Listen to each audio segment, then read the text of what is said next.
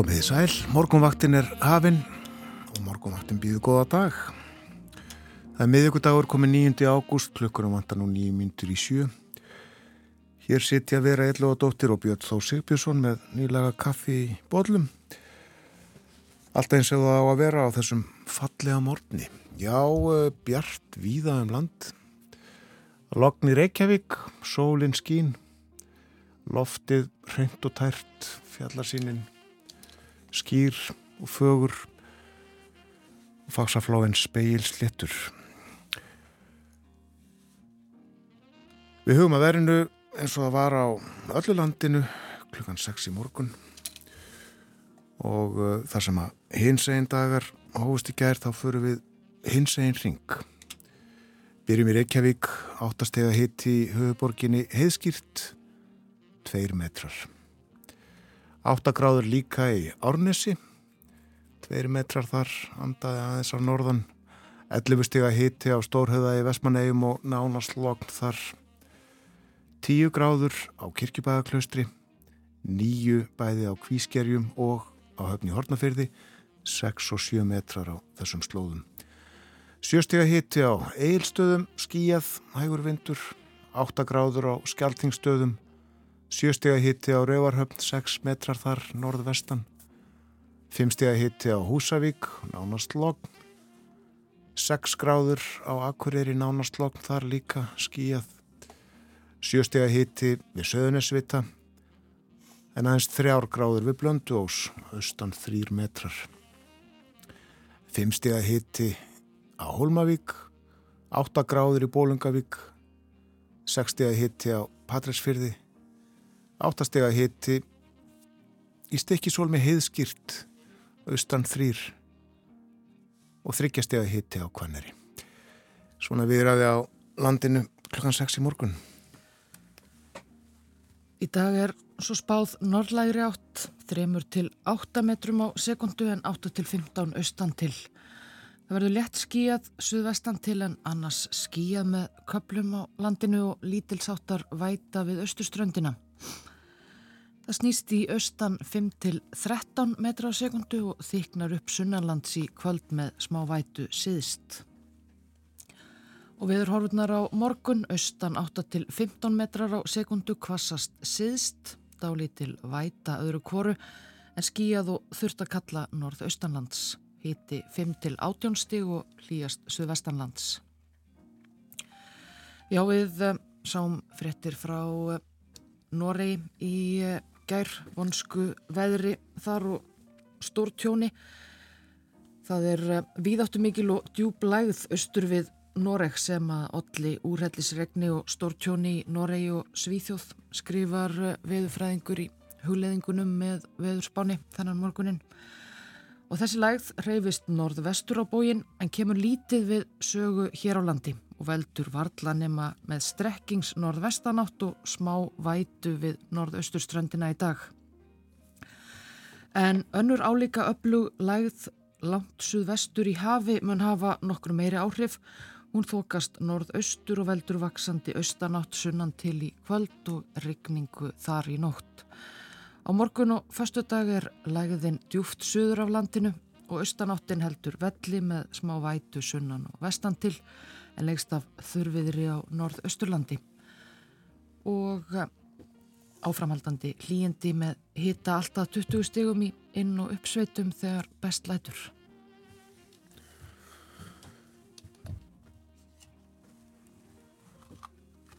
Ég sá mánan á heimlinum í morgun.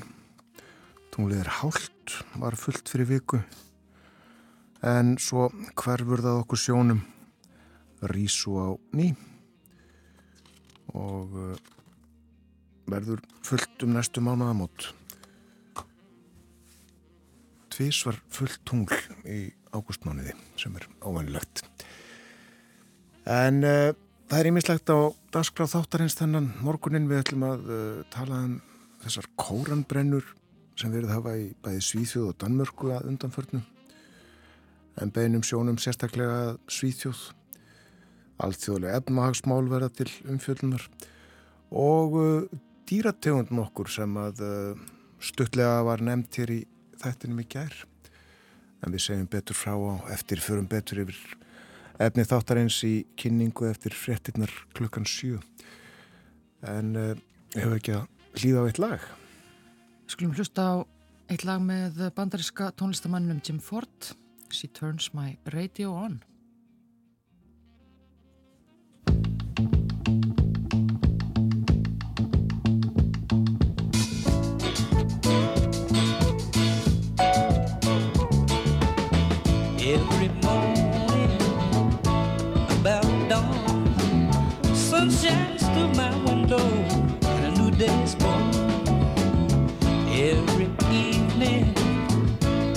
sundown. My whole world changes Lord when she comes around. She comes and turns my radio on, gives me all day music. I got all night. I'm gonna sing till the cows come home. Look what you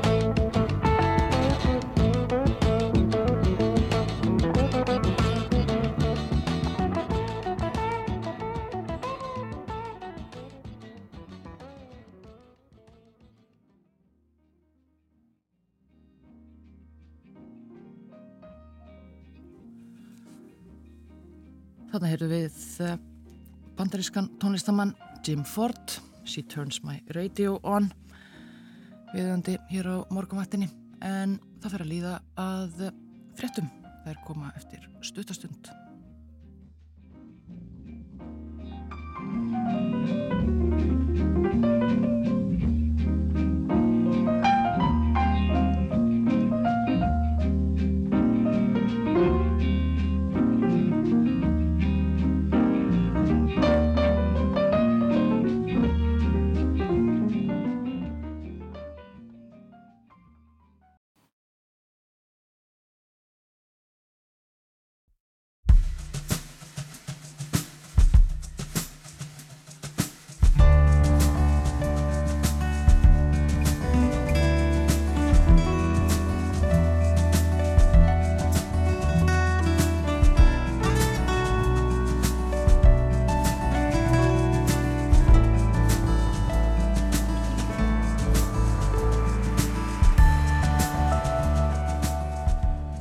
Góðan dag, Morgunvaktin helsar miðugudagi 9. ágúst. Umsjónamenn þáttarins í dag eru Björn Þó Sigbjörnsson og Vera Illóðadóttir. Við fjöllum meðal annars um kóranbrennur í Svíþjóði þættunum í dag. Þetta aðtæfi fáeinna er erfitt og snúið á alla kanta og veldur ráðamönnum miklum vandræðum bæði innanlands og utan. Gunnhildur Leili Magnúsdóttir, dósend við Háskólan í Malmö, varpar ljósi á málið upp úr klukkan hálf nýju. Og í spjallu um efnaðasmál fer áskiprinir Torfason yfir ástandi í þeim ríkjum sem hæst tróna á listum yfir helstu hagkerfi heimsins. Þar eru bandaríkina efstablaði og næst kemur Kína en allt bendir til að ríkin hafi sætaskipti innan nokkur ára. Þvottabyrni bara á góma í þætti gerdagsins. Artur Björgvin í Berlín saði þá frá því að í Berlínar borg væru um þúsund þvottabyrnir. Þvottabirnir voru fluttir til Þískalands frá Norður Ameríku og sleft lausum á fjörða áratug síðustu aldar til að auðka Þíska náttúru. Og um svipaleiti voru uppi hugmyndir um að koma upp íslenskum þvottabirnastofni. Það gekk þó ekki eins vel. Við ætlum að fara yfir sögu þvottabirna á Íslandi að loknu fyrir þetta yfirleiti hálf nýjum. Og svo saga er fyrðu viðbröðarík. Þvottabirnirnir á eftir. Já, eh, við fjöllum um uh, þessar kórambrennur í Svíþjóð klukkan half átta. Þá verður Gunnhildur Lili með okkur talar frá Lundi. En veður horfur dagsins spáin er svona, norðalega átt á landinu í dag, uh, viða 3-8 metrar á sekundu en kvassar á austan til. Vindræðin þar að 15 metrum. Létt skíjað söðu vestan til en annars skíjað með köplum lítilsáttar væta við austurströndina. Og það þyknar upp sunnalands í kvöld með smá vætu síðst snýst þá í austanátt 5-13 metra. Hitti í dag 5-18 stig hlýjast suðvestanlands. Og á morgun verður austanátt 8-15 metrar kvassast síðst dáli til væta öðru kóru en skíjað og þurft að kalla norð-austalands og við ítryggum það að uh, þetta er uh, bjartur og fallegur dagur sem að helsar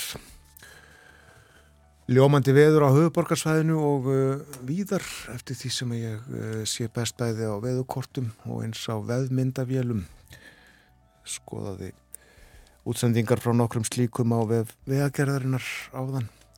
Bjart og fallegt já og vind reyfir valla um að gera taka daginn stemma þegar uh, svona tíð er.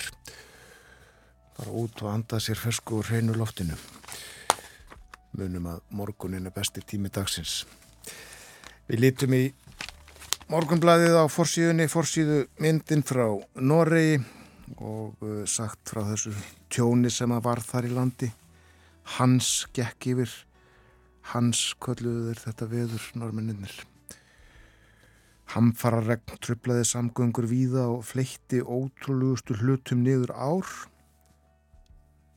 Eldri kona slasaðist alvarlega og mynduðu björguna þyrlur loftbrú við rýmingu og eh, við erum að því fréttonum hér aðvana. Norski fósættisráþarum ætlar að fara þarna að á það slóðir það sem að ástandið er vest eftir veðri í ger.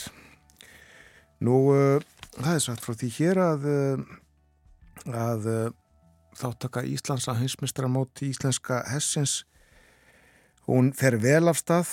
Í gæðing, gæðingaskeiðinu í gæðir hreftu Elvar Þormarsson og Fjalladís frá fornuströndum gullið í flokki fullorðina en Benedikt Óláfsson á Leirubjörg frá Nustum þrjú nældi sér í hinsmistratittil í flokki ungmenna Móti fór vel af stað, skipulagning er afar fagleg og þurfa því allir sem að því koma að fylgja ströngum reglum veður á mótsvæðinu hefur aðeins valdi vandraðum. Í gerð byrjaði dagurinn vel en þegar gæðingaskeiðið var í þann myndað hefjast þá þyknaði gífurlega upp og helgjernar úrkoma setti dramatískan svip á keppnisvæðið. Og það var til þess að öll Frankvann tók sinn tíma En íslensku hrossin letu það þó ekki ásífá og í dag fer fram forkeppni í fimmgangi. fjallaðum mótið inn í morgunblæðinu í dag. Og uh, svo er uh, líka sagt frá þessum kostnaðu aukna sem að leggjast munu á skipafélög og fjallað hefur verið um í frettunum hjá okkur og uh, nokkuð ítalega í speiklinum í gerð rætt þar við utryggisráð þeirra og, það er gert líka hér á fórsíðu morgunblæðsins í dag. Íslensk stjórnvöld báðu ekki um undan þáu fyrir hérlend skipafjölu vegna nýrar tilskipunar Evrópussambansins sem hveður á um að skipafjölugin kaupi losunar kvóta vegna mengunar. Rætti líka við fórstjóra einskipafélagsins Vilhelm Þorstensson sem að segir undan þáur hafa staðið þjóðum eins og Íslandi tilbóða en svo verði sem stjórnvöld hafi látið málið sitja á hakanum. Vilhelm var líka í hrettunum hér á dögunum. Og myrkur í máli. Nú, uh, fleira nýtt, uh, ég nefni það þá að uh, ég sé hér á við vísis að nú mánuðamótin þá verður vinnufattabúðinni við löga við lokað. Hún hefur verið starrakt í 83 ár. Það verður skellt í lás í hinsta sinn 31. ágúst. Það var 1940 sem að vinnufattaverslunin opnaði.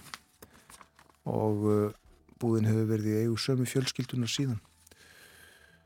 En uh, eigendur grindu frá þessu í Facebook-ferslu í gær og gáttu þess að 50% afsláttur verður af öllum vörum út mánuðin.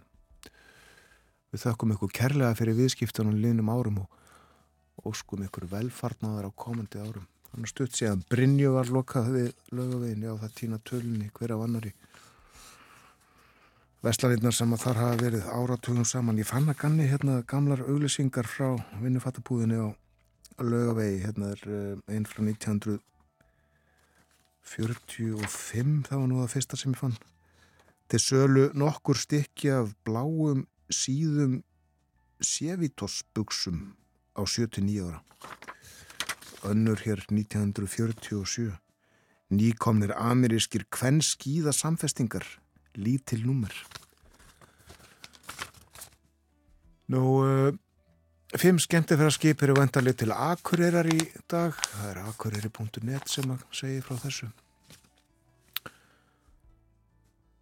Það, eh, þau, þau eh, minnstu með 152 farþega, 120 í áhöfn. Svo er þarna eitt með 212 farþega, eitt með 250, eitt 254 og svo Sandam farþegar þar 1404, 650 í áhöfn. Víku bladið á Akureyri segir hins vegar frá því og sagði fyrir fánum dag, dögum það fór fram hjá mér og uh, hafði þessa frétt uh, af uh, við háskólans á Akureyri að háskólinn þar í bæ mun taka þátt í verkefni sem að nefnist Nord Space innviðir geimsins á norður slóðum umhverfi, öryggi og framtíðasín geimsins. Og þetta verkefni hlaut á dögunum styrk frá norska rannsóknaráðinu. Það er Adam Fisvik sem er gestaprófessor við háskólan sem mun leiða þáttöku skólas í þessu verkefni. Í verkefninu verða rannsökuð samfélagsleg áhrif vegna þróunar innviða í geimnum á norðurslóðum í samhengi við öryggis og umhverfi stefnur Noregs, Svíþjóðar og Íslands og uh, fleira ég sé á austurfrétt að sveitastjórn Múlaþings þrýstir á að framkvæmdir við nýjan veg yfir öksi verði færðar framar heldur en gertir ráð fyrir í draugum að samgöngu áallun þetta er uh, áallun sem að gildir frá með næsta ári til 2038 og múlaþing vil litnið að rannsóknir fari í gang þannig að hægt verði að halda áfram jargangagerð frá Seyðisfyrði til Norrfjörðar um Mjóafjörð og uh, sagt ítalega frá umsögn múlaþings um drögað samgöngu áallun.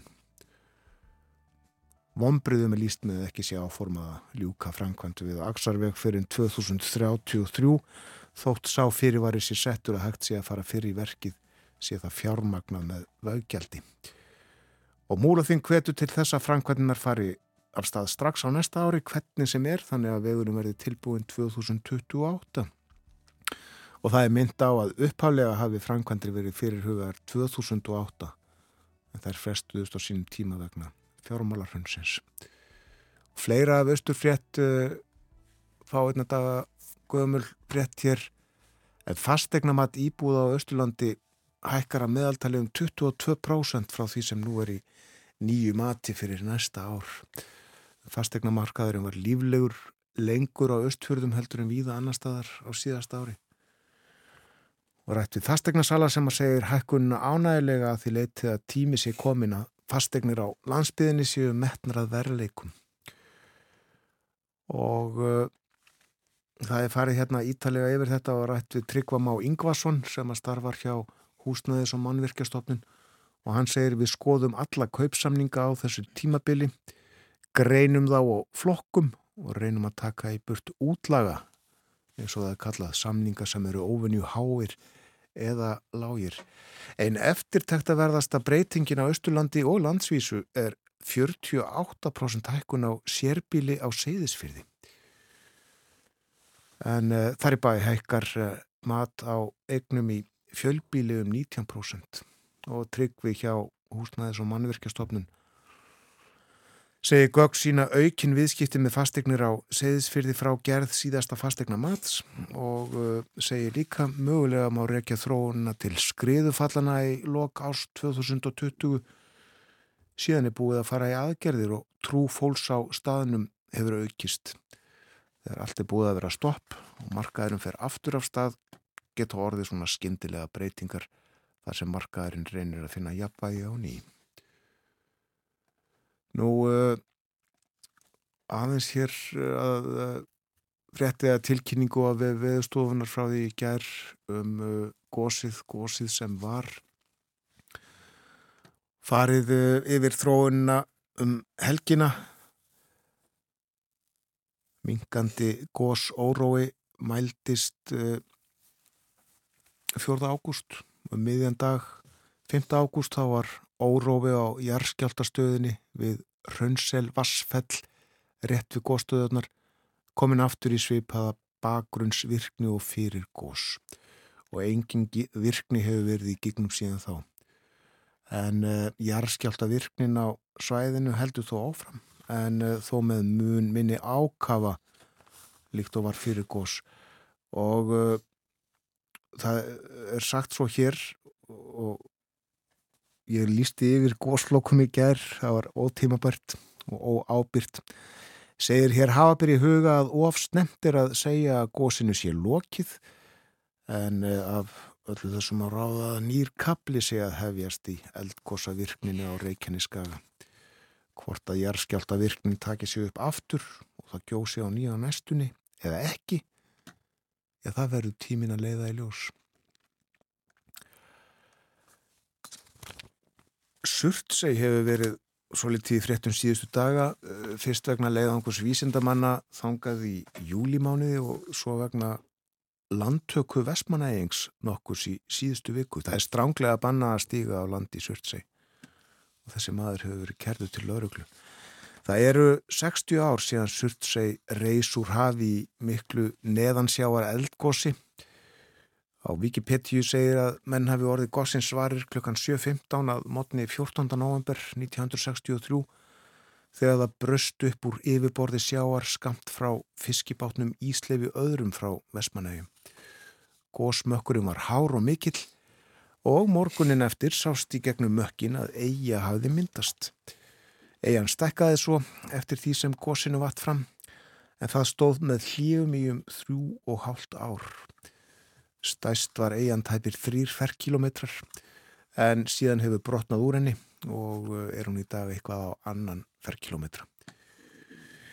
Nýja eian og eh, góstöðin voru þetta á nafna fyrstum sinn en úr því var bætt og rúmum þremur vikum eftir að gósið hófst þá byrtist svo hljóðandi frétti í alþýðublaðinu.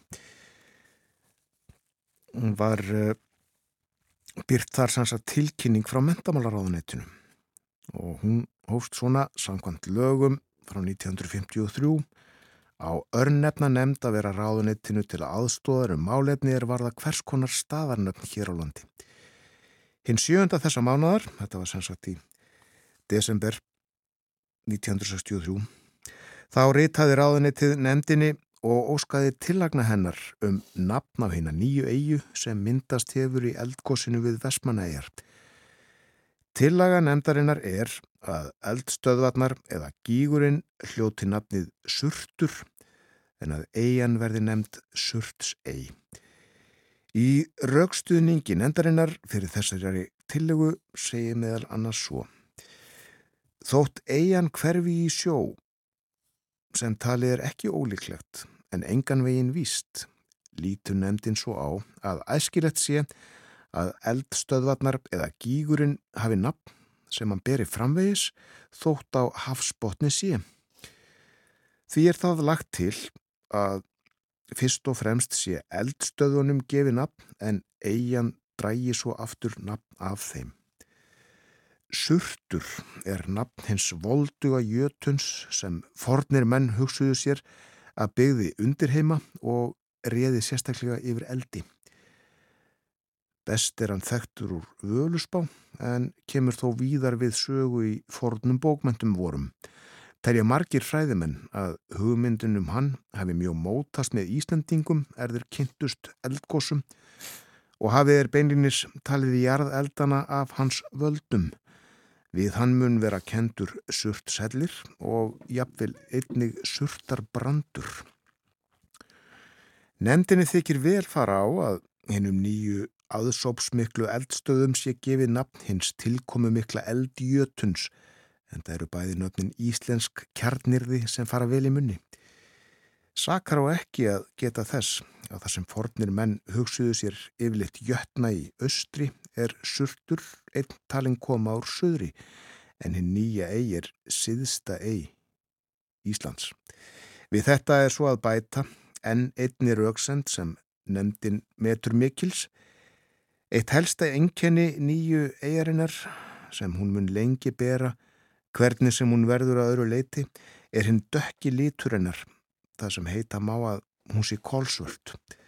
Hefði jafnvel geta komið til greina að gefa henni beininni snabb eftir þessu enkenni þó þykir nefndinni enn betra eins og ástendur um framtíð eigarinnar að víkja því óbeint en ákveðið með nöfnunum surtur og surtsei.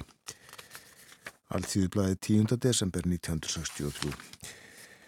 Nú, uh, Alþýðu maðurinn fjallaði líka um þetta, fáinum dögum setna og sagði henni nýju ei og góðstöðunum gefið nafn og sagði svo gósið við Vestmanæjar heldur en áfram, heldur hefur þó dreyið úr því og það jafnir leiði niðri um tíma. Það bar til tíðinda í síðustu viku að þrýr frakkar stigu á landa og inni nýju og eru þeir fyrstir manna til þess. Teknar voru nokkrar myndir og síðan snúið tilbaka. Örnefna nefnd hefur komið saman og ákveði nafn góðstöðuna.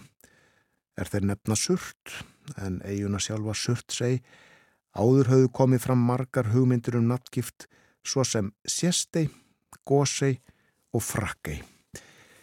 Og með þessari með þessari frétt byrti alltíðum aðeins mynd og undir henni tilvitnin í völusbá surtur fer sunnan með svega læfi.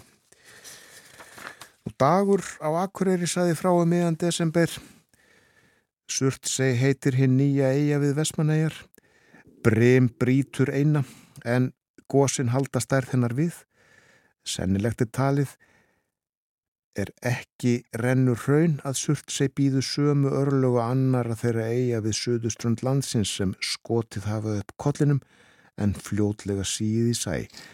Þótt nafngiftin líki yflitt vel eru vestmanæðingar ekki hrypnir af nýja nafninu.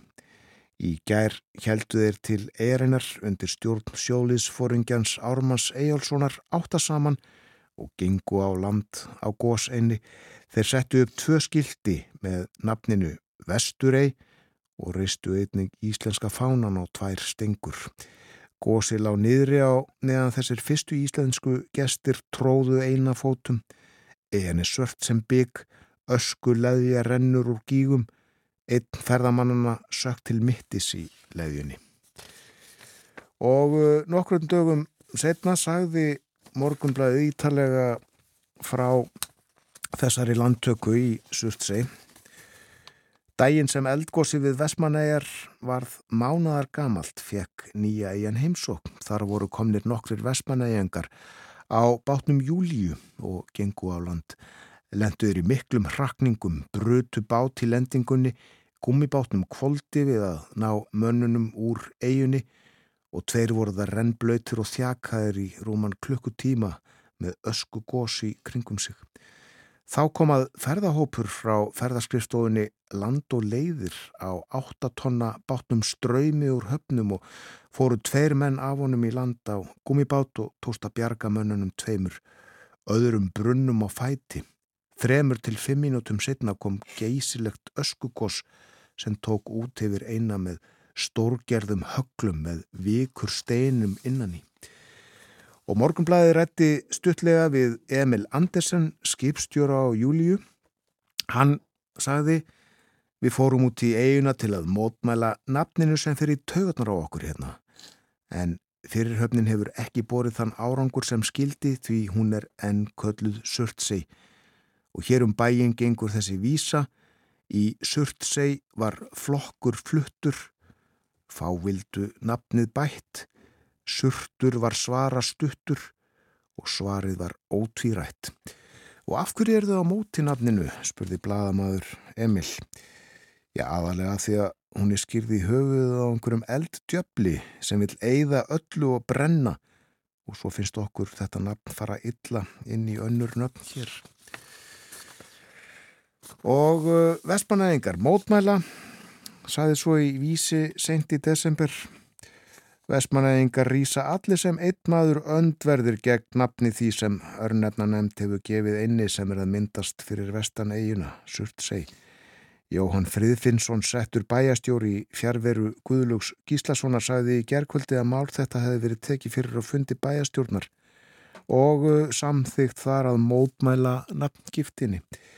Okkur finnst einkennilegt að skrifstofa í Reykjavík skuli látin velja eiginu nafn. Auðvitað hefðu vestmanægingar sjálfur átt að koma sér saman um nafn, enda er eigin ein af vestmanægjum og af sumum kölluð vesturei enda vestust eigina. Þetta var um uh, Surtsey, gósið sem að hófst í november 1963 og uh, nafnið sem að uh, gós gígnum og eiginu sjálfri voru valin uh, í desember og engin sérstök kátina með það í Vestmannegjum.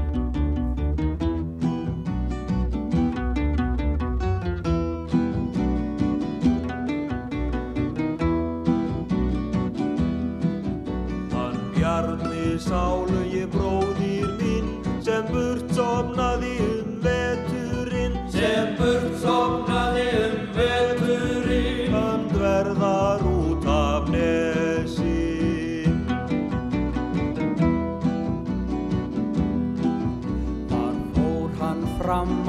af istunöf og fjell og vann í djúpa gröf. Og fjell og vann í djúpa gröf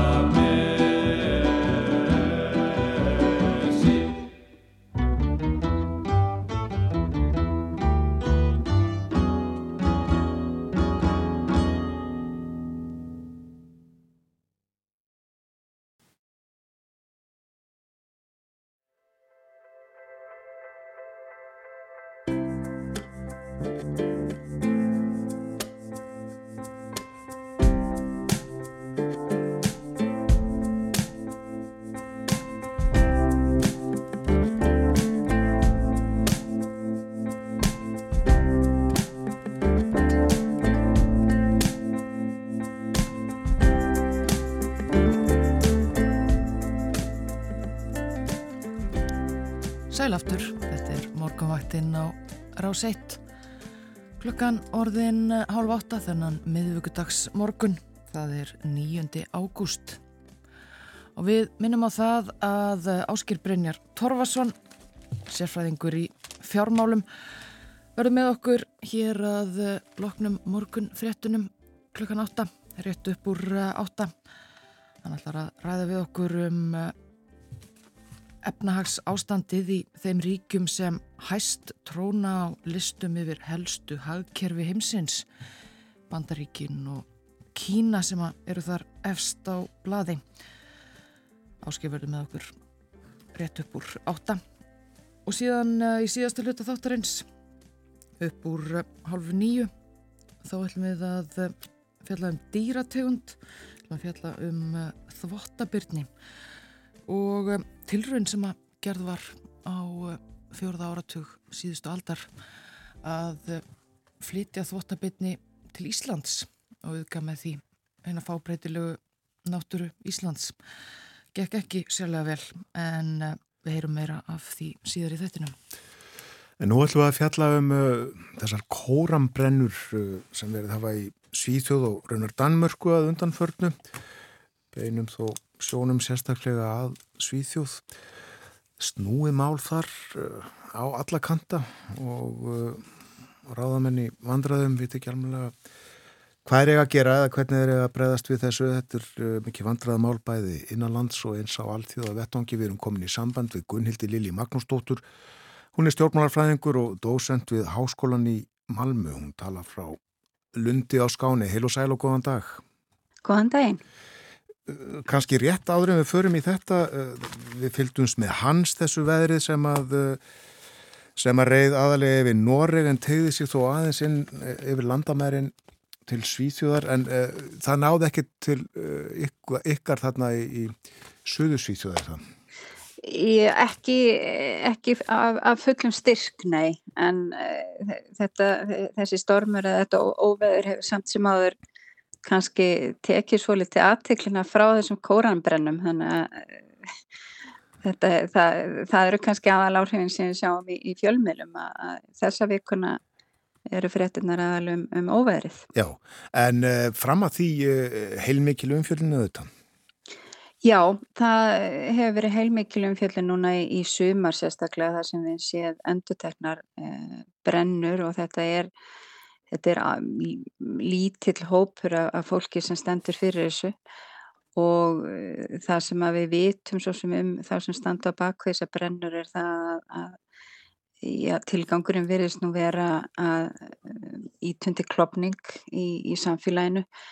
Uh, einhverjir af þessum aðlun sem hafa staðið á bakvið þessar brennur uh, fylgja svíþjóðdemokratónum þetta eigur þetta klopning í samfélaginu Eh, á eitbóin eh, höfum við fólk sem að, eh, já, við höfum um það byrjt 10% svíja eru múslimar og það er hópur sem að er í minnilhutastöðu og mætir fordómum í samfélaginu sem að er ekki sátt við þetta og lítur á þetta sem árás á sín trúabröð. Á hinbóin höfum við auðvitað hópa í samfélaginu sem segja að, ekki, að þetta snúist um tjáningafrelsi Eh, þetta sé, stjórn, stjórnarskráruvarin réttindi og að við hefum ekki að beigja okkur undir vilja eh, einræðisríkja í miðausturlöndum sem að eh, hafa gaggurind þessa gjörninga. Já. En það sem er munurinn kannski líka, það sem þú nefndir Danmörk í, í, í byrjun, er munurinn auðvitað að sá að Svíþjóð er akkurat núna í munum við uppkvæmari stöðu heldur en Danmörk þar sem að við erum ennþá í, í aðildarferlinu að NATO Eh, Tyrkland og Ungverðarland hafa þótt, þóttu hafi formlega nú samþygt engöngu þá er á þetta eftir að fara í, í gegnum tyrknarska þingið.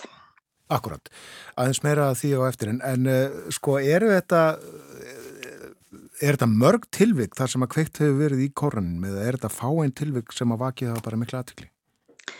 Þetta eru þó nokkur til, tilvik ef við hugsum uh, kannski aðeins lengra tilbaka en, en bara núni sumar að því þetta hefur verið í gangi, þetta var, byrjaði í fyrra og þetta byrjaði í raun og veru með hægri öfgamanni eh, Rasmus Paludan sem að hefur eh, stundað svipað brennur í Danmörku í mörg mörg ár en, en hann var svona búin að missa margs í Danmörku og, og þetta leti til óerða hérna í Svíþjóðum um páskana 2022 og þannig að hann færði sig bara um, um set og, og það virðist, þetta er auðvitað líka tengt þessari viðkvæmi stöðu sem Svíþjóðar í. Þetta er auðvitað tengt NATO aðeldina einhver, einhver leiti líka Hvað finnst uh, almenningi um þetta?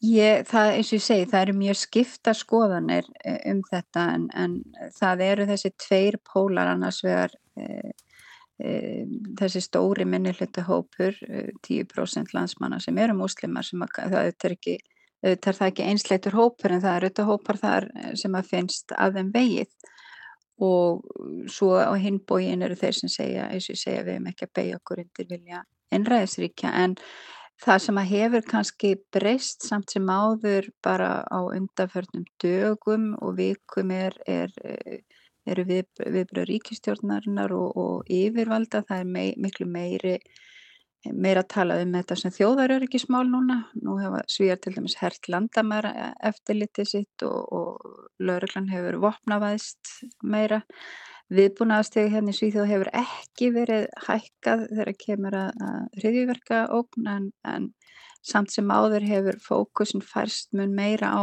á að þetta sé þjóðaröryggismál en ekki ekki spurningum um tjáningar, tjáningafrelsi. Er það átt við að, að það sé bara hætta á að brjótist út óerðir eða eitthvað slíkt? Ég held, sko, akkurat eins og umræðan hefur verið núna hefur þetta verið meira tengt því að það sé aukin hætta á, á hriðjuverkum og það tengist auðvitað e, þá alþjóðasamhenginu þar sem að það, sé, það eru e, löndi miðausturlöndum sem að e, hafa fordæmt, fordæmt þessar brennur og það er þá já, það er þá hugsunin að þetta auki líkurnar á, á hriðjaverkum. Og uh, í, í því ljósi að uh, þá verður mögulega hægt að banna þetta sem að, að já. Það er, það, er, það er svona nýjasta útspil ríkistjórnarinnar. Lengi vel var, var talið að það væri bara útilokkað að banna þessa brennur. Það, það var búið að reyna það, lögurlega var búin að reyna það og, og domstól búin að dæmi í málinu að það var ekki hægt þar sem þetta væri stjórnarskrarvarin réttindi en e, núna þegar það er búið að kannski færa fókusin á þetta sé spurningur um þjóðaröryggi og líka reyndar að það brjótast ekki út óerðir hérna innanlands þá er, er ríkistjórnin að, að íhuga það að, að, að leggja fram tillögu um að, já, allavega hefta þetta á einhver, einhvern nátt og þá eru við ekki bara að tala um kóranbrennur, þá eru við að tala um já, vantalega öll trúaritt og það hefur jáfnvel verið talað um, komið fram tilur um það að sé bannað að brenna bækur í, í mótmælaskinni. Já. Og þá er þetta hort til annara landa í Evrópu sem að hafa e, á einhvern hátt, e, hefur á einhvern hátt tekist að, að banna banna svona uppákomur. En það er alveg uh, klárt og, og fyrir því sem sagt falli dómar að uh, það, það er heimild, tjáningafrelsið er það rúnt í svítjóð að, að þetta má. Það er engin svona á, á, ákvæðum að það megi ekki augra eða, eða uh, móka eða eitthvað slikt eins og er hér í lögum. Sko það, það er, jú, það er það, það er það, það er, það er bannað að að til dæmis uh, sína, uh, sína hattur gegn minnihlutahópum en uh, þessi stjórnarskrar verður réttindi til tjáningafrelsis og samkomi réttur sem er mjög, mjög sterkur hérna í Svíþjóð bara að koma saman virðist vega þingra og, og þeir, sérstaklega þessi réttur að, til þess að mótmæla og, og koma saman. Ríkistjórnin hefur verið í svolítið vanda með þetta málið ekki? Jú, ríkistjórnin er í afar flókinni stöðu þar sem að þetta er minni hlutastjórn eins og er venjan hérna í Svíþjóð sem er nýtur stuðning Svíþjóðdemokratana og Svíþjóðdemokratarnir um, hafa, já þeir höfðu, sumir þingmenn Svíþjóðdemokratana höfðu uh, fyrir að fyrsta áðurna stríðið í Ukrænu braust út sterk tengsl og náinn tengsl við Rúsland. Í öðru lagi þá hafa þeir auðvitað verið svo flokkur sem hefur kynnt undir þessum klopningi eh, og, og gaggrínt eh, múslima í, í samfélaginu og talað um múslimavæðingu eða íslamvæðingu hérna í Svíþjóð.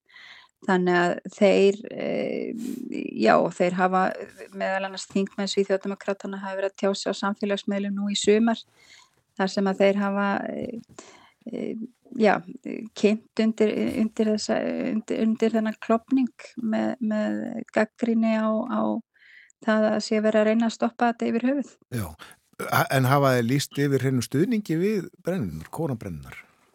Já, það, e, við, við sjáum allavega eitt eða tvö til, tilvik þar sem að þingmenn Svíþjóðdemokratuna hafa gert það á, á, á samfélagsmeilum og þetta og það hefur sett ríkistjórnuna og sérstaklega dómsmálar á þeirra ákaflega erfiða stöðu og, og dómsmálar á þeirra hefur um, svo sem átt með að svara þess já við skulum ekki vera að rífast um þetta eh, hér innanlands, við skulum bara einbæta okkur að því að, að hérna, styrkja varni landsins og annað eftir því.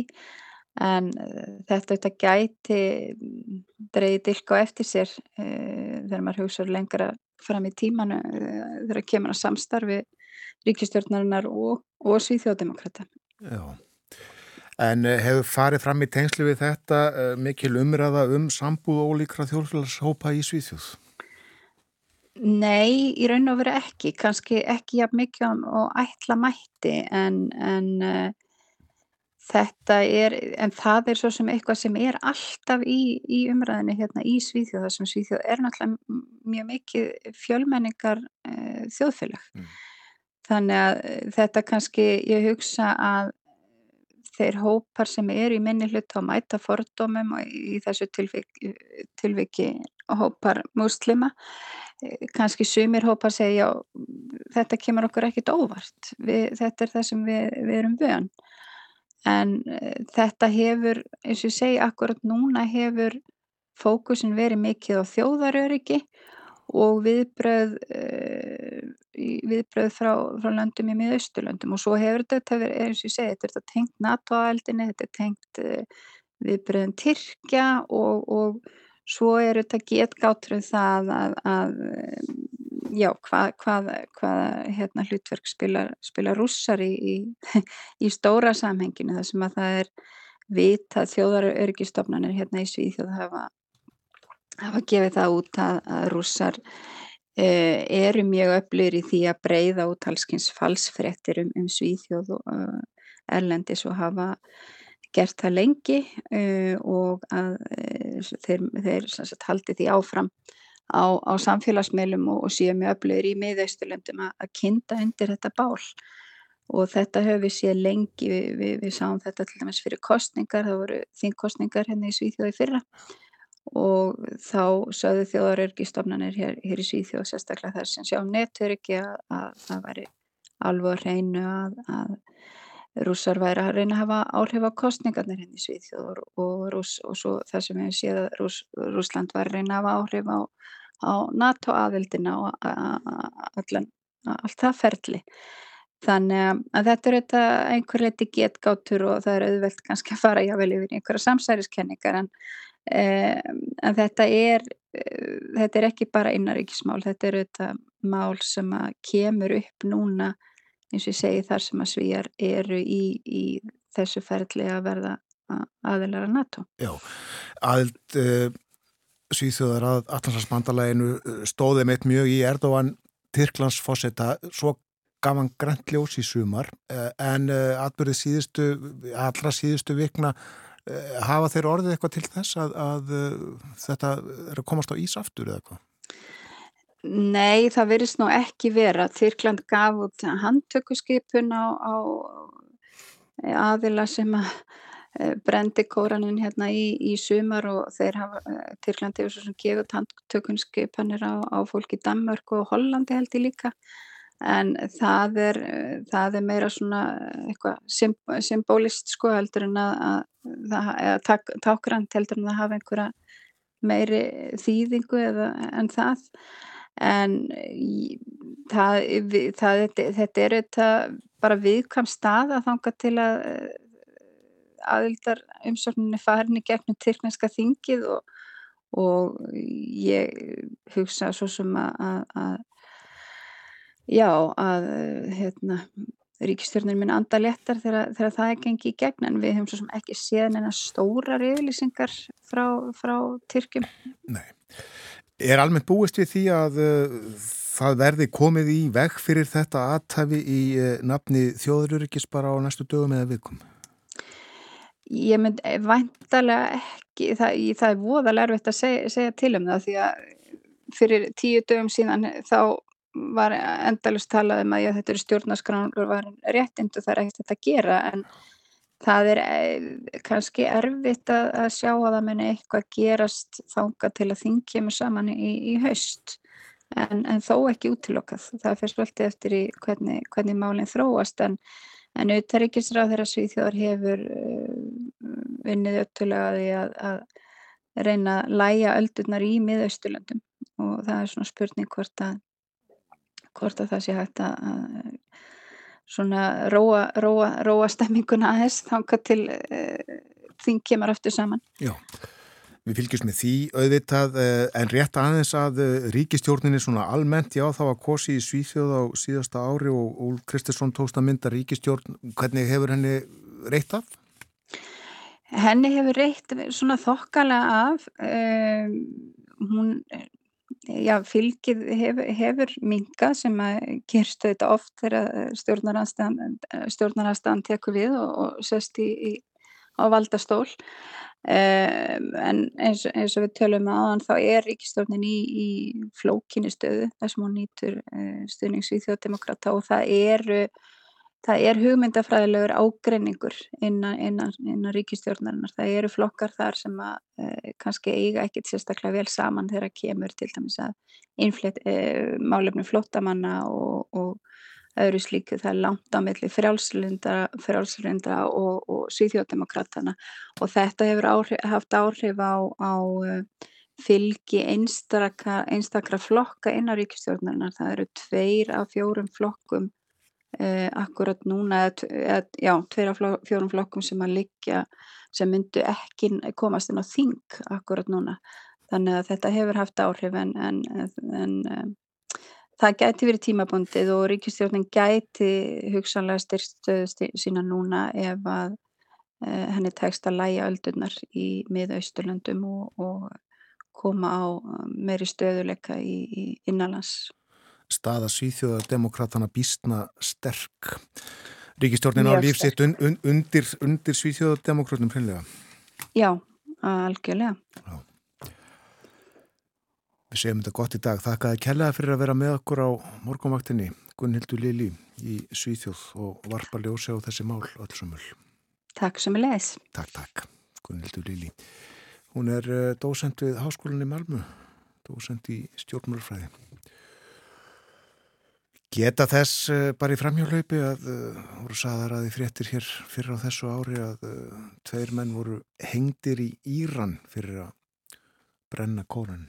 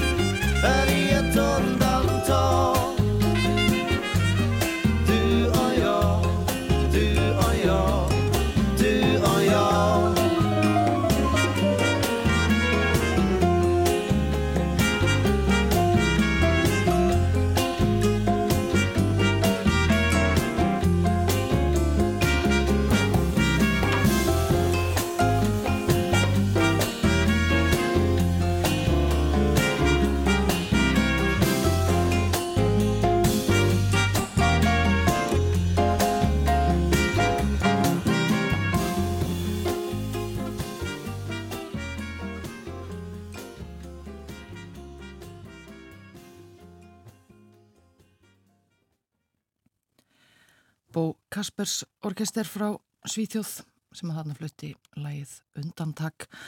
Vorum að ræða um uh, sænsk málefni við uh, Gunnhildi Lili Magnúsdóttir hér á uh, undan þessu lægi, dósend við Háskólan í Malmö.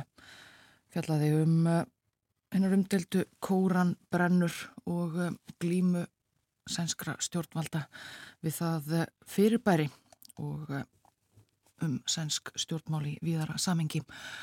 Nú það eh, líður að morgunfréttum, þær koma á slæginu átta. Að þeim loknum sest Áskir Brynjar Torfason, sérfræðingur í fjármálum hjá okkur við eh, hljóðneimann. Það maður fjalla um tvö stærstu hagkerfi heims, Kína og eh, Bandaríkin. Síðan í síðasta hluta þáttarins upp úr hálf nýju Það ætlum að fjalla um uh, dýr, ákveðina dýrategund. Við ætlum að uh, fjalla um þvottabyrni. Artur Björgum Bollarsson í Berlín nefndi þvottabyrni í Berlínarspjallinu í uh, gerðmorgun. Það eru þúsund þvottabyrnir í Berlín áætla dýrafræðingar þar í borg. Gríðarlega mikið af þvottabjörnum í Þýskalandi eftir að dýrum voru flutt þangað á fjórða áratug síðustu aldar frá heimkinum þeirra í Norður Ameríku. En eh, á sama tíma, og það gerðist þá eh, voru uppi hugmyndir um að flytja þóttabirnir til Íslands og hinga komu nokkrir þóttabirnir en eh, það var þó ekki eins mikil sigur för og flutningur þóttabjarna til Þýskalands. Hér eru engir þóttabirnir í dag en við segjum þessa sögu nánar uh, upp úr hálf nýju. En nú er það morgunfréttunar fyrir stölusingar.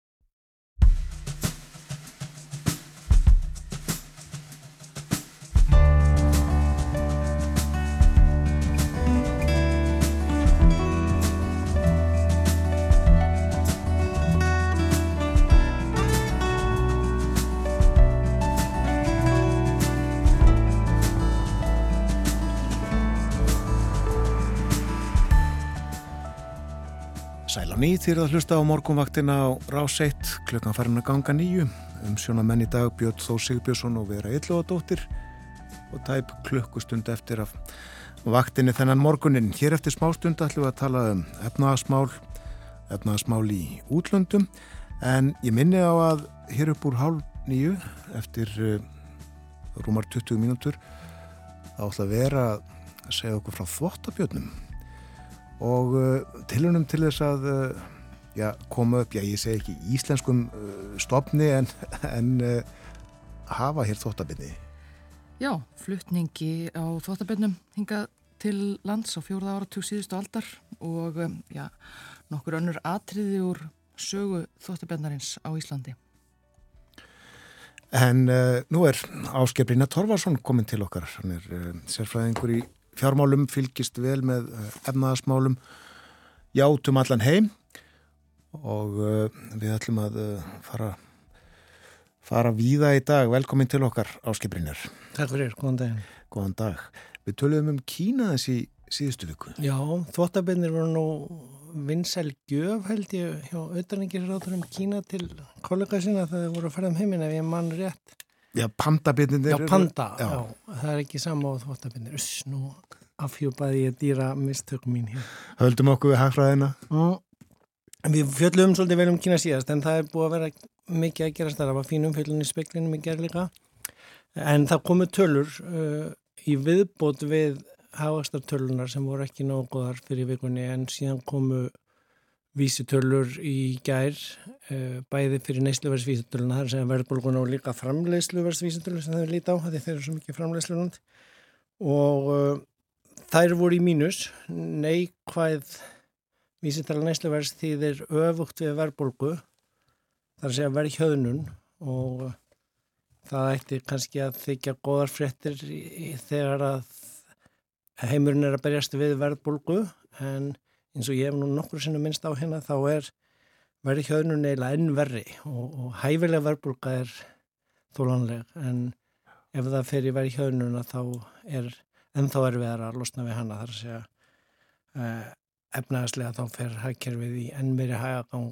uh, en yfirvöld eru mjög fljótt og hagstofan í Kína að segja að þetta sé nú bara tímabundið smá skot eh, vegna þess hvað eh, var búin að mikil fyrir árið síðan. Þannig að hérna eh, samt sem áður að þá eru þetta svona merkjum samdrátt í hagkerfunu og eh, eins og við fórum aðeins yfir síðast að það er náttúrulega Kína breytast úr því að vera framleiðslu batterið fyrir heiminn og er að verða svona sjálfstætt hagkerfi. Neistland þar á að vera nótilega standa undir og það eru komið fullt af kínverskum merkjum sem þú þekkir ekkert og mér er sé að þeir eru stæstir í bílaframlegslu og ramagsbílum í heiminu núna. Mest sal og ramagsbílum í heiminum er í Kína og það eru bara bílamerki sem þeir hafa aldrei heyrst um sko, sem eru bara framleiti í Kína og seldi í Kína. Já, já. Bandarækina enn stærsta hagkerfi heims, eh, Kína kemur á eftir muna miklu í dag. Já, sko, nú uh, þurfum við að passa okkur, þegar við erum að mæla hagkerfi þá notum við sem er kallað verklandsframleysla uh, og í þeirri mælingu er bandarækin með 25.000 triljónir dollara, við skulum ekki fara að flytja það yfir íslenskar krónur en, en Kína er ádján, rúmlega. Þannig að það munar talsvert miklu þannig á milli en, en samt það er e, búist við því að, að Kína eh, komist efnaðsvöxturinn í gangaftur og, og hérna svona með hvernig trendin hefur verið, vöxturinn hefur verið að þá er búist við að Kína muni e, verða starfinn bandaríkin og einhverjum þjómbúndi það er tölverða deilur um svona hvenar og hversu hratt að því að ekki bara þessi samdráttur efnaðsli núna heldur vegna mannfjöldans Og það er hinn faktorinn í viðbútið bara starri landsins en við erum ekki að fjalla um hér landfræðilega en, en mannfjöldin í Kína er náttúrulega fjórfaldur. Sko. E, þannig að það er stundum gert svona til að gera samanbörna með landa deila landsfjölmistunir og haus en, en hérna erum við bara að tala um hildarstærð hagkerfisins og þá er, er bandaringin ótrúlega miklu starra en önnur, lönd en, en Kína er búin að vera að saksa á þá mjög hratt undan farin ár. Já, og þetta hefur uh, tölvið sálræn áhrif, uh, bandaríkjaman uh, viljaðu þetta vera nummer eitt þarna? Já, já, og, og eru vanir því, búin að vera vanir því allengi en, en þeir hafa ekki alltaf verið það. Eitt sinn var bara skastorveldið, stærsta efnaðskerfi heimsnáttlan í löndur og, og, og þá var pundið forðamynd heimsins og aðalmyndin í heiminum þannig að þetta, þetta, þetta á einhverjum tímapunkti breytist þetta allt saman en, en, en þetta er, þeir eru langt fyrir ofan næstu margfald á við þriðasætið sem að hérna, við ætlum kannski svona beina svolítið sjónunum að. Já, en fyrst kannski aðeins að bandarækjunum uh, komið nýtt lánshæfismat er það ekki fyrir bandarækjunum? Í mitt uh, og þar voru það uh, þessi alþjóðlegu lánshæfnismats fyrirtæki sem fólk var kannski búið að gleyma frá því hrunni, Fitch og S.O.P. og Moody's. Tvö af þeim þau lækkuðu í síðustu viku lánshæfismat bandaríska ríkisjóðsinn, þar sé á bandaríska ríkiskuldir sem er, er mjög svona Já, það voru svolítið stórar fréttir og það er ekki gott almennt séð fyrir ríkisjóða að fá lækkað langsæfismat. Það þýðir, það er dýrar að fá peningaláni. Það er að segja fjárfestanir sem setja pening í ríkiskuldirnar, ríkiskuldarvegunni þeir álita meiri áhættu og vilja þar með fá herri ávokstun og þar með þá kostar það aðeins herri vexti fyrir ríkisjóðin að þá læra langsæfismat. Hverjum skulda bandarækjumenn helst? Þeir skulda nú sjálfum sér ansi mikið en svo skulda þeir Kína mjög, mjög mikið og reyndar þriðjastasta gerfi heimsins líka og þess að við afhjúpum það starf. Það er að segja maður verður að muna þetta með efnaðsreiningarna svo ég sé henni morgun bókaldinu að skuld eins er alltaf eign einhvers annars Já.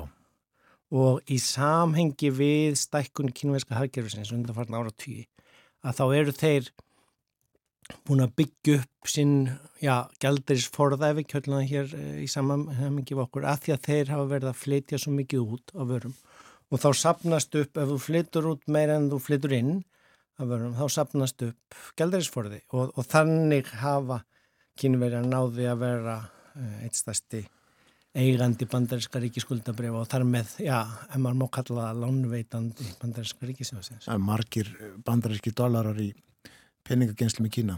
Já, það, og það hefur nú verið sko svona fyllt svolítið gengið þar á milli í, í svona teginlegu bandi. Hongkong-dalurinn er beintengdur bandaríkjadal, þannig að, að það er á bakvið hvert júan sem er oftast haft í svona kringum sjö að, að þá uh, sjö júan í bandaríkjadal þá er nú alveg svona þrýr fjórir uh, júanar í, í í bandaríkjadal til. Þannig að þarna, þarna sér maður svona hversu stór þessi forði er og hversu stór ja, lánveitandi ef maður vil nota það orð til, til bandaríkjana eh, Kína er. Og þess vegna vil ég nú á þessum stríðstímum ekki hafa mjög mikla rágjur af einhvers konar eh, eh, átökum umfram þessi viðskipta tókstreitu átök. Þar að segja þegar að þú átt svona mikið undir hínu hagkerfinu þá viltu nú ekki fara í stríð við það þegar að hérna eh, er búið að leysa úr einhverjum svona tollamálum og innflutningsmálum. Því það er það sem höfum séð gerast eftir heimsfaraldurinn og í tengslu við lofslagsmanna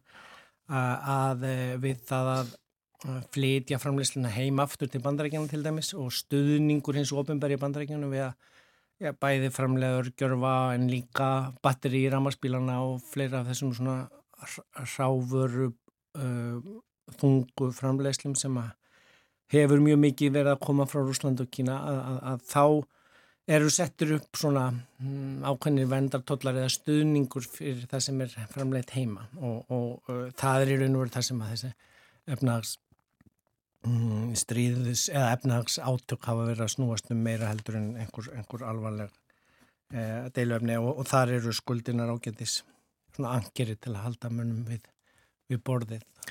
Þá uh, eh, áskiprin er að uh, þriðja stæsta hagkerfi heims. Já, ég er svona bæðið um að nefna það ekki að því ég vildi að, að, að hlustendur færa íhuga það svona ágúst er að nálgast miðuna hvað það gæti verið. Og, Þískaland? E, það, það er ágætist til að og ég ætlaði kannski bara að fara yfir svona topp tíu listan af, aftan frá ef það rugglar ekki fólk á mikið. Sko. Þískaland er þannig pottið á topp tíu listanum en, en í, í tíundasettinu er land sem við fjallastöldum í sumar við meðar hafið í Evropaland það eru fjögur Evropaland á listanum Ítalija er, er í tíundasettinu og bara til að sjá svona skalan eh, sko þessi fjögur Evropaland sem eru innan við helmingur af bandaríkjunum Ítalija 2000 triljónu bandaríkjadala minnan minnan er tólti af bandaríkjunum. Uh, Rúsland er í nýjöndarsæti með að við þessar tölur, ég á nú vona á að þegar kom uppfærða tölur að, að þá kannski detti þeir út af topp tíu listanum. Kanada er í áttundarsæti áleika um, og síðan kemur uh, annarsta Evrópulandið, Frakland og Breitland fljótlega þar fyrir ofan, þannig að uh, það er um þrýr 3000 triljónir bandaríkjadala en Indlandur eru stærnir Breitland í, í fymta setinu og Þískaland kemur svo í því fjórða Já. það sé að langstæsta Evrópu hagkerfið og uh, er um fjórar 4.000 triljónir bandarækjandala. Þísklandi helmingi starf en Ítalja, ef maður vil setja þetta í svona hlutfall. Já. En þá er ekki mörg svona löndur megin hagkerfum heims eftir til að gíska á. Nei, það hlýtu þá að vera Japan. Japan er nefnilega þriðastæsta hagkerfum heims og, og það er náttúrulega við sem munum svona langt aftur í æskunum þegar Japan var að framleiða allar ramagsteknivörur og var í raun og veru á undan Kína mikið framleiðslu land fyrir heiminn en, en fór síðan inn í mikla stöðnun og uh, já, er búið að vera kljóst við verið hjöðnun líka og fækkun mannfjöldans þar að segja að það ekki, ekki fæðist nóg mörg börn og ekki nóg mikið innflytjandu sem koma til að viðhalda vexti haggerfisins með vexti mannfjöldans. Uh, þannig að, að þar urðu svolítið áhugaverð þar fréttir líka á efnaðarsviðinu í, í, Japani fyrir að, nei í síðustu viku, að, að þar var verið að býða eftir hvort að stýrivextur eru þetta hækkaðir en þegar þú ert með svona samdrátt ekki hávöxt uh, og jável hættu að vera í hjöðununa þá er ekki margir sem vilja vera að taka lán eða byggja nýja vesmiður eða byggja nýja hús það því að verðið er á nýðurleið og það er þá betra bara að býða eftir að verðið ódýrara og þannig stöðuvast í raun og veru hagkjöru. Þetta er það sem ég verði að tala um sem verra en verðbólkunum með verðið hjónuna. Japani voru þetta fyrir 40 árum eða svo uh, allra manna snjallastir í að búa til nýja tækni eh, með öll sín hátækni fyrirtæki sem þá voru. Já, já. Ega er ekki jafngóða hagfræðinga? Jú, jú, þeir eru, hún er að vera álitnir mjög svona snjallir í því að kljást við þetta vandamál sem að aðrir hafi ekki verið mikið í.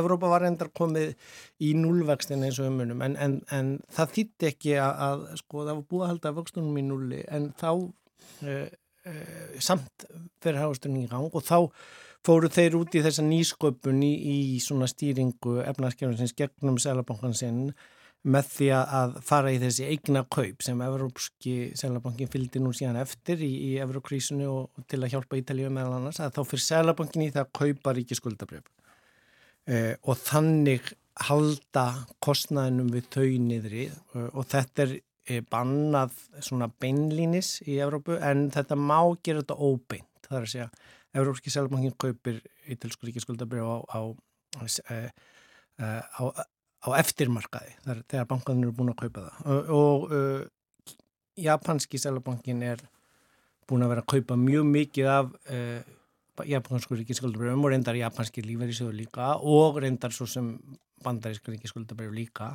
Þannig að selabanki japanski er að fjármagna uh, rekstur samfélagsins að einhverju liti Já það má segja það þannig þeir, þeir, þeir gera það með því að þetta er alltaf vist tegund af peningalegri örfun eða peningaprentun sem sem eru kallað en þeir gera það með því að stýra ávostunarkröfun á ríkiskuldabriðin eh, þannig að, að það er í, í, í, til að forða hagkerfunu frá því að lenda í stöðnun og að já, það þurfa að fara að selja þjóðleikúsið eða, eða loka spítulum að þá er þetta eh, eðleg og snjöll aðferði við að halda hagkerfunu gangandi en þeir eru skuldsettast að þjóði heimi fyrir vikið Eh, en, en þeir skulda sjálfum sér það mestu leitið þannig að það er ekki svo stórst vandamál.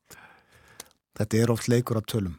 Já og það sem að gerist í síðustu viku var að þeir breyttu markmiðinu sínum ástunarkröfun á japansku ríkisvöldubröðin úr halvu prósendi í 1%.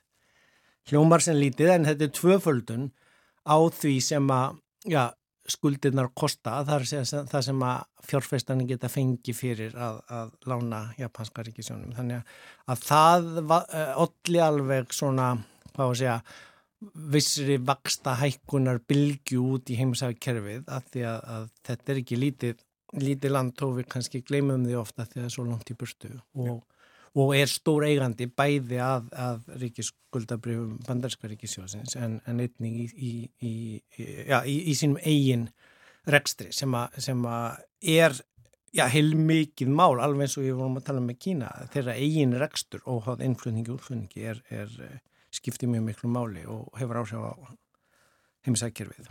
Spólum aðeins tilbaka þessi listi við tíu öflugustu hagkerfi heimsins. Mm -hmm. Hann er náttúrulega, er auðvitað býstna magnaður, sko þau eru svo lang, lang stæst bandaríkin og Kína. Já, þau eru sko uh, já, eins og ég segi, fjögur Evrópuríkin sem eru á topp tíu listanum ná ekki að vera helmingur af bandaríkinum Já. og sko öll þessi átta eru bara lítið brota af þessum tveimur stærstu Já, og, og, og þar að auki ef við fyrir að tala um síðan hagkerfin í heiminum í held að þá eru sko eh, tíu stærstu hagkerfin eru tveir þriðju af öllu heimshagkerfinu. það eru yfir 200 löndið það ekki heiminn. Jú og ef við viljum svona, ef við, ef við, ef við vikum út að að 25 stærstu sem er svona þessi vestræni heimur efnaðskerfi með þessum um, Asjulundum sem er að koma inn á okkar um, um, svona hagvakstar stig að þá eru þau með 5-7 hluta eða 83% þar að segja hinn 167 lundin ef maður notar saminu þjóðalistan eru meitt sjötta eða 16% Þetta er ótrúlegt. og eitt þriði af þessum löndum getur verið að fara í samdrátt núna þannig að, að það að, að hvort, hvernig gengur í Kína getur haft mjög mikil áhrif á, á efnags ástandi í heiminum í held og líka já, hvernig nýsköpunum í selabankastýringunni í Japan gengur að því að, að, að þetta er náttúrulega orðið svo samþætt hagkerfi þannig að það er já, það, það þarf að ganga vel á öllum hvað maður getur maður að kalla það strokkum kerfisins til þess að, að, að svona vandræðin smitist ekki á milli af því að markaðinir eru líka beintingdir. Já, og þetta er áttastrokkavél. Já. Já, lít okkur aðeins nær talaðins um Evrópu. Mál er svona eh, þókast í rétt áttið það ekki? Jú, en, en nú er beðið eftir bæði uh, í þessari viku verðbólgutölum frá Þýskalandi og nokkrum fleiri Evrópulandum uh, og uh, hvort að það sé samdráttur eða ekki samdráttur það er rétt svona að skrýða upp fyrir nullið þar sé að það er ekki nægur hagvókstur hagvókstur er hversu mikið landsframlegslan hefur verið að hækka frá árinu undan.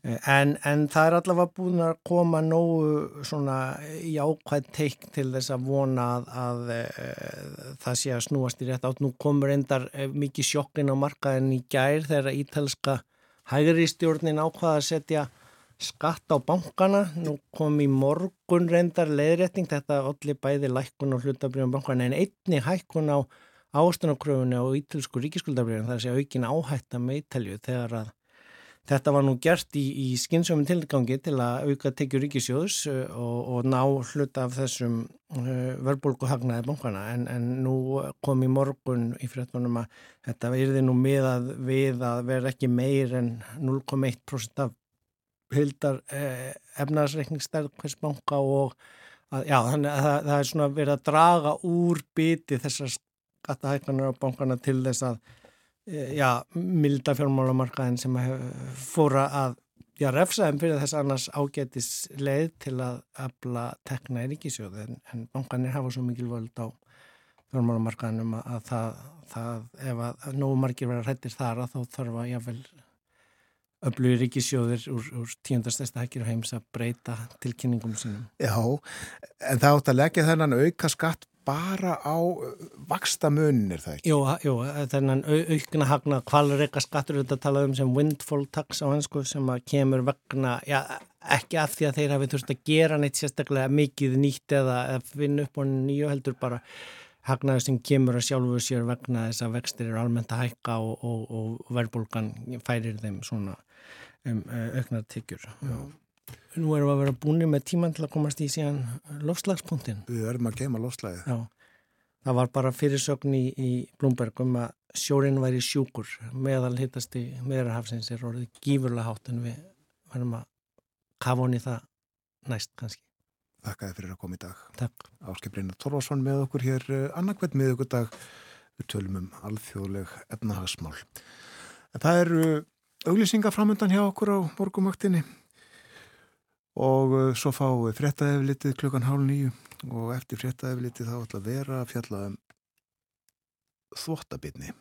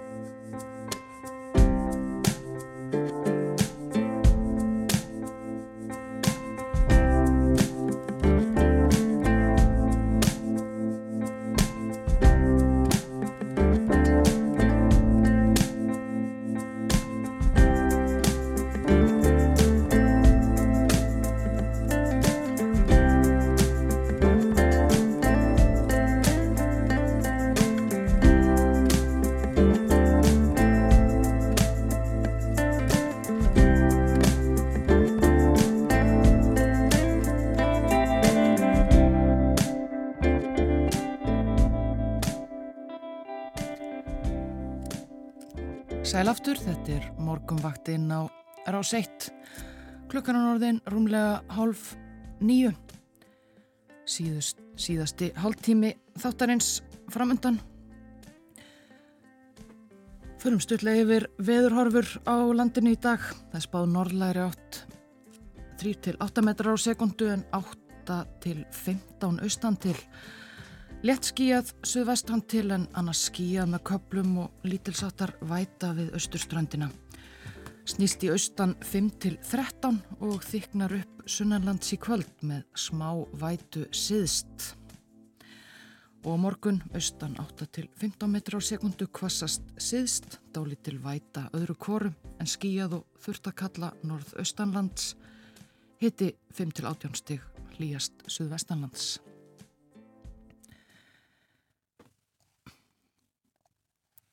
Þvottabyrni bara á góma í morgumvaktinni í gær. Þá var Artur Björgvin Bodlason á línunni frá eh, Berlín eins og svo ofta á þriðudags morgnum og hann saði meðal annars frá dýralífi í eh, Berlínarborg, rannsókn dýrafræðinga á fjölbreyttu dýralífi stórborgarinnar og eh, Artur Björgvin saði meðal annars frá því að í Berlínarborg væru um þúsund þvottabyrnir. Það ætti svo sem ekki að koma á óvart því að um, það eru raunar ansi margir þvottabyrnir í Þískalandi almennt. Samkvæmt uh, einni rannsókn frá árunni 2012 þá uh, voru þeir meira en miljón talsins í landinu og hefur þeim líklegast ekki fækkað síðan. En þvottabyrnir eru uppbrunir í skólendi Norður Ameríku en þetta eru dýr með mikla aðlögunarfærni og geta auðveldlega gert sig heimankomna mun eh, víðar. Og eh, ekki síst við mannabyðir í og við borgir og bæir, bæim þar sem að eh, dýrin hafa afkomi sína meðal annars af því að róta í ruslagámum.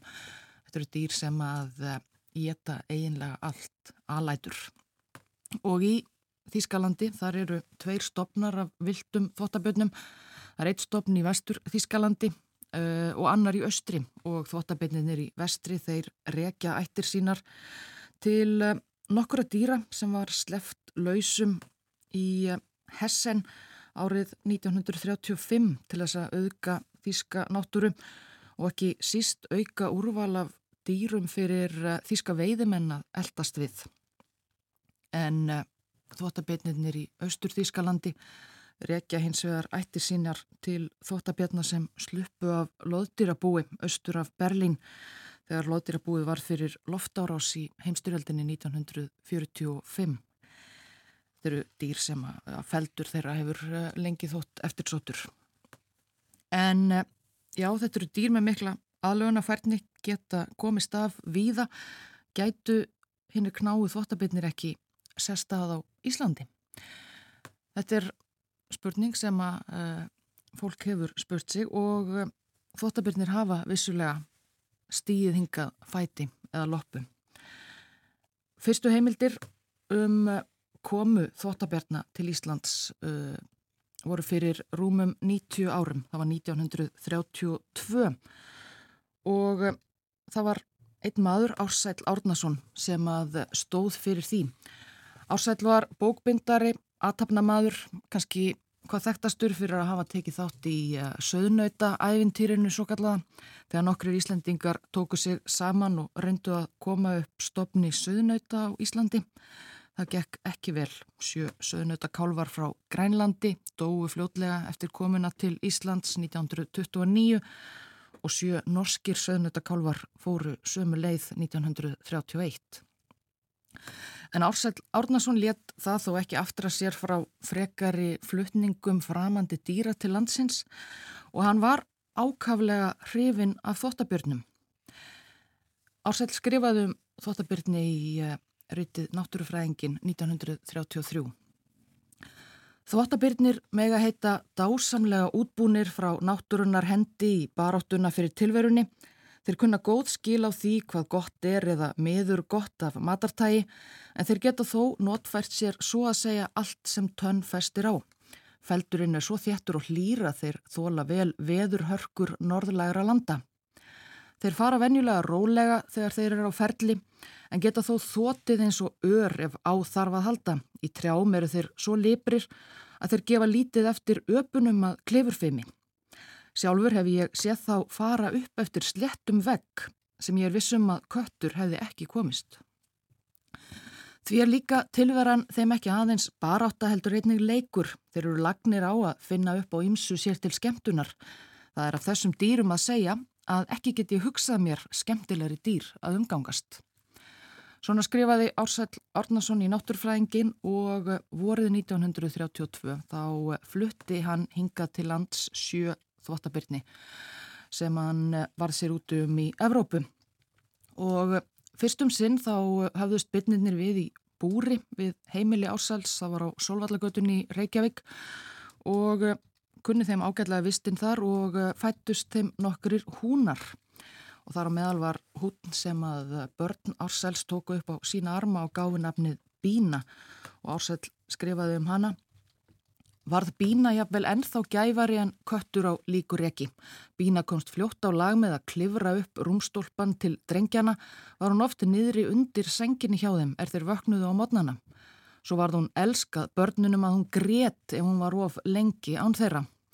Þótti henni gaman að klifra upp eftir manni, leita í öllum vösum, smegja sér undir jakkan, allt fram í erminam, komast upp á aukslina og leika sér að eiranu, hárinu og svo framvegis. En eftir dvöl á Solvallagötu þá voru flestir þvottabitninir sendir í vist á loðdýrabúfið Hofstaði í Garðabæ.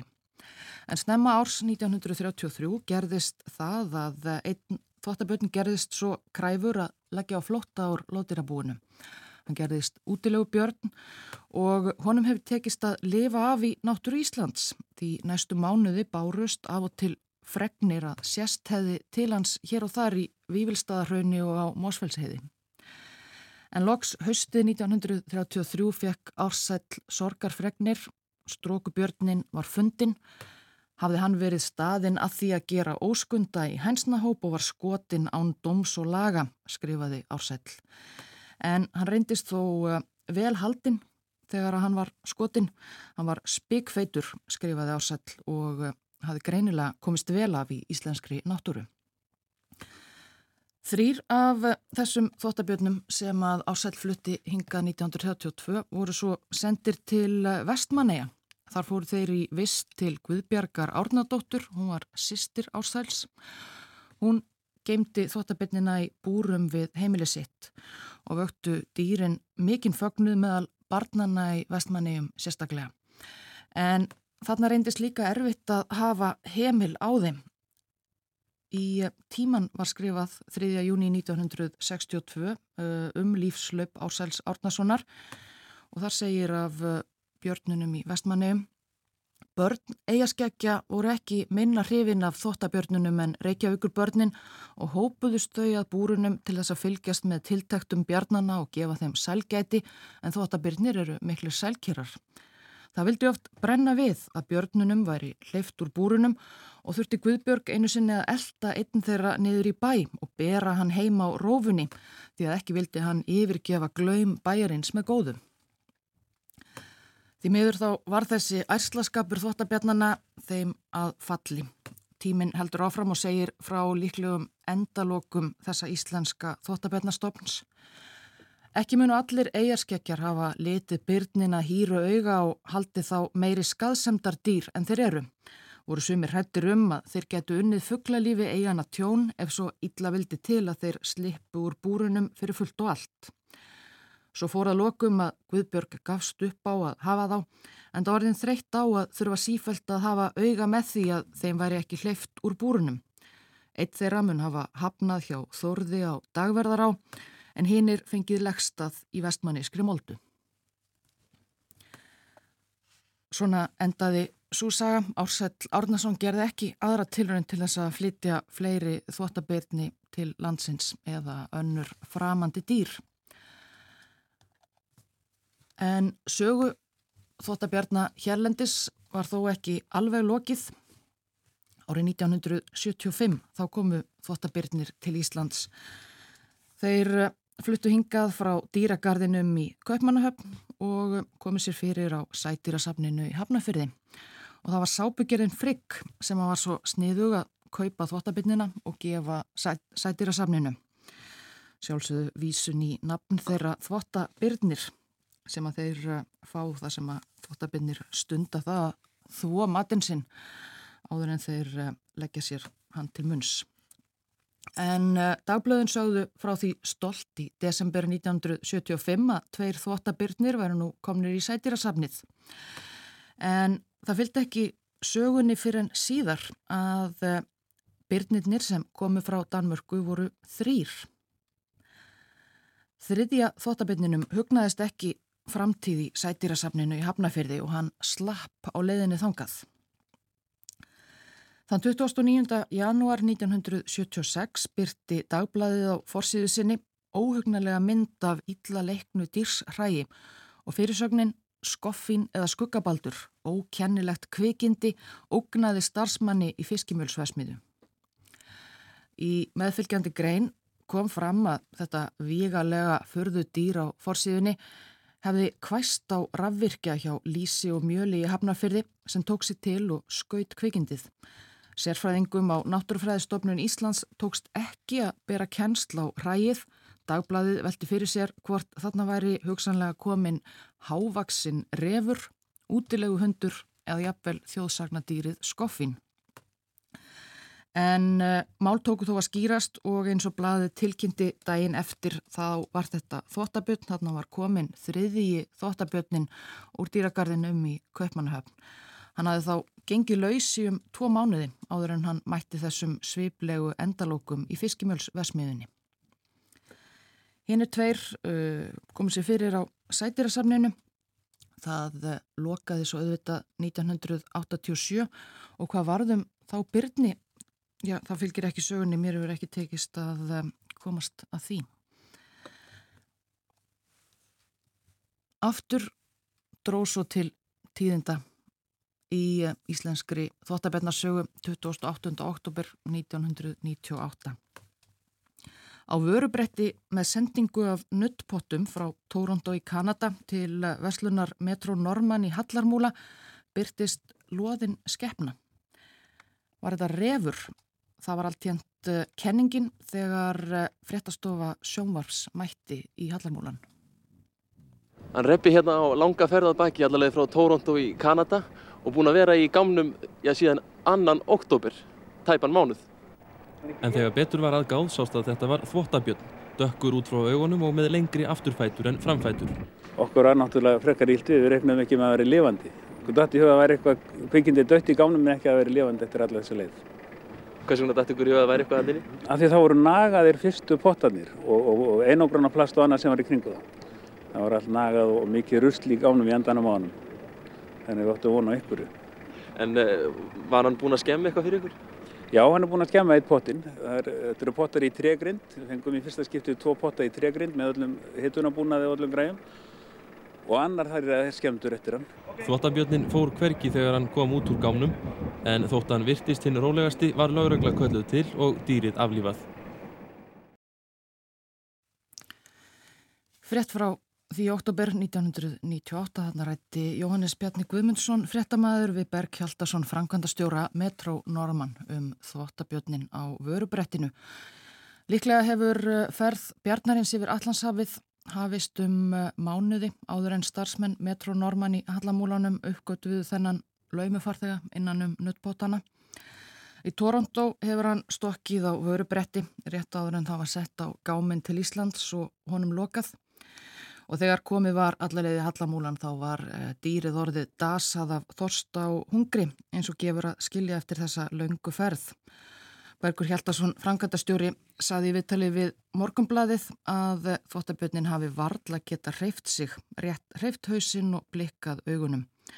Og bladamaði Morgonblaðsins bætti við Það má ljóst vera að þvottabjörnin hefur verið búin að koma sér fyrir á hillunni sinni fyrir nokkuð löngu síðan tilbúin að deyja drottni sínum því æbandi dagspyrtan, óðamála mannskeppnur og hnjask á liftara vöktu döif viðbröð hans.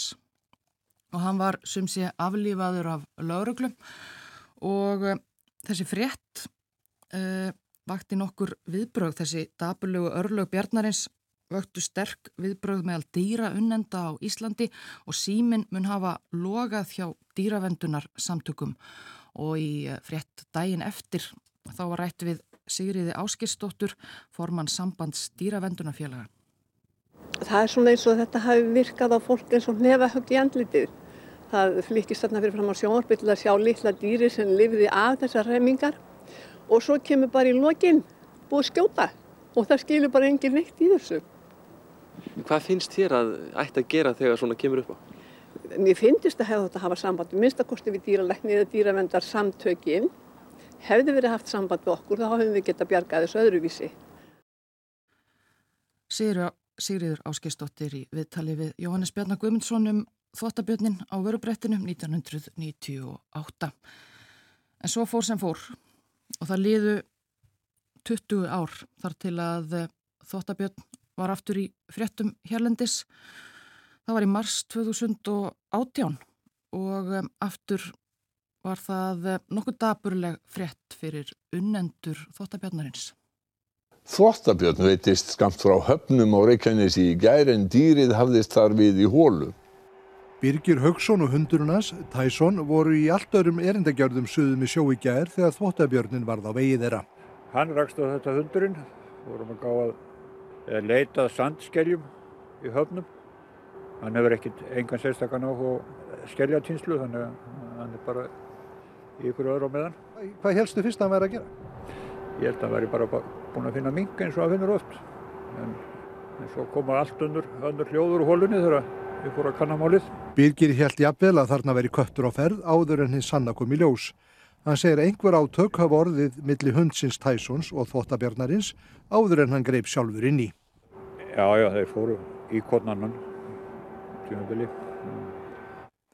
En þetta er ekki fyrsta sinn sem Birgir og Tyson koma með eitthvað óvænt úr leiðangri. Síðasta skerja leiðangri fundum við æfa forna rostungstun. Hún var heldur sægari heldur en, heldur en þetta kveikindi.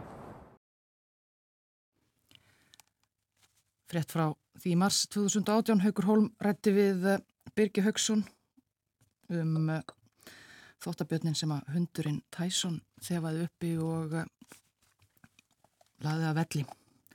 En ræð þessa þóttabjörnar var flutt á tilraunastöð Háskóla Íslands að kjeldum til krupningar. Gefin var út skýrsla að þeirri krupningu lokinni um dýrið. Tíu tegundir sníkjudýra fundust í þvóttabetninum. Nokkrar sník, sníkjudýra tegundana finnast aðeins í viltum þvóttabötnum í Norður Ameríku. Engin vafi er á því að dýrið hafi borist til Íslands frá bandaríkunum. Þá útilóki fjölbreytt sníkjudýra fána að dýrið hafi verið gæludýr, segir í skýslunni. Þvóttabjörnin var byrna á fyrsta ári, 3 kg þyngd og 68 cm. Þar var skottið 24. Í skýslunni kemur einnig fram að þvottabjörnin hafi verið í þokkalegu ásíkomulagi og því ekki verið lengi á leiðinni til landsins. Líklegast hafi þvottabjörnin komið með flúvél hinga til lands en skamtir frá flúvallarsvæðinu í Keflavík yfir á staðin þar sem dýrið var felt.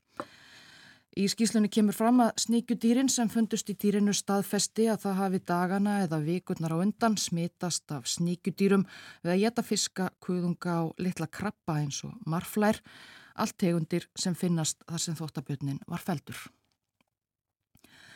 Þannig endaði súsaga og við uh, já, býðum eftir eh, næsta kabla í sögu þvóttabjarnana á Íslandi. Þeir eh, gætu boristingað aftur með eh, flugvél eða gámi frá annarkvort Evrópu eða Norður Ameríku en líklega verður ekki gerð önnur skipulögð tilraun til þess að flytja hingað þvóttabjarni eða koma upp íslenskum þvóttabjarnastofni eins og Ásæl Árnason gerði tilraun með árið 1932.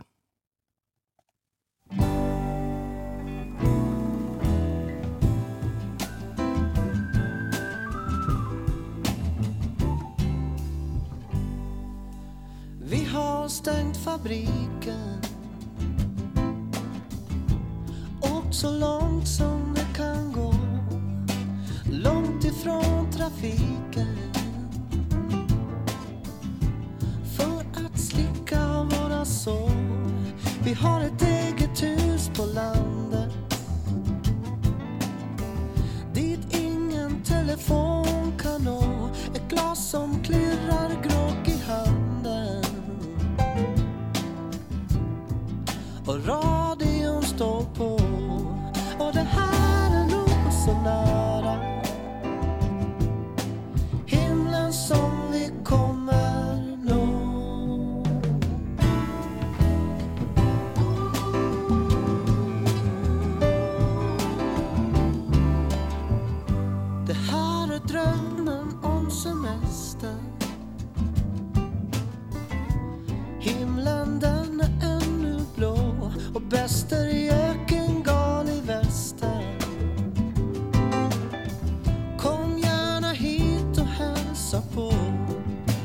伤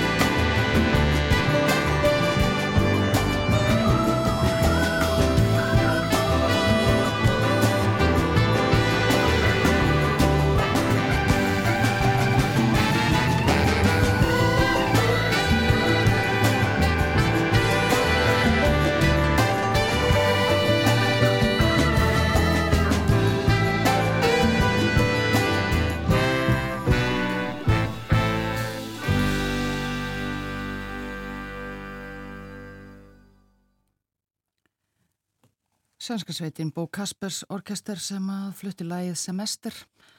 Heyrðum líka í henni fyrir þættinum eftir eh, spjall við eh, Gunnildi Lili Magnúsdóttir, dósend við Háskólan í Malmö um sænsk málefni, sérlægi um kóranbrennur. Morgumvaktin er lokið þennan morgunin klukkan alveg að verða nýju. Vantar rúmar fjórar mínútur. Við þökkum samfélgina frá því snemma í morgun. Verðum hér aftur í fyrramáli og minnum á að Bói Ágússon verði með okkur sérstuð heimsklukkan um hálf áttaleitið. Sýkvað fleira á dagskrá, á uh, efniskrá, þáttarins á morgun. En Björn Þór og Vera segja þetta gott við vonum að þið njóti dagsins. Verðið sæl.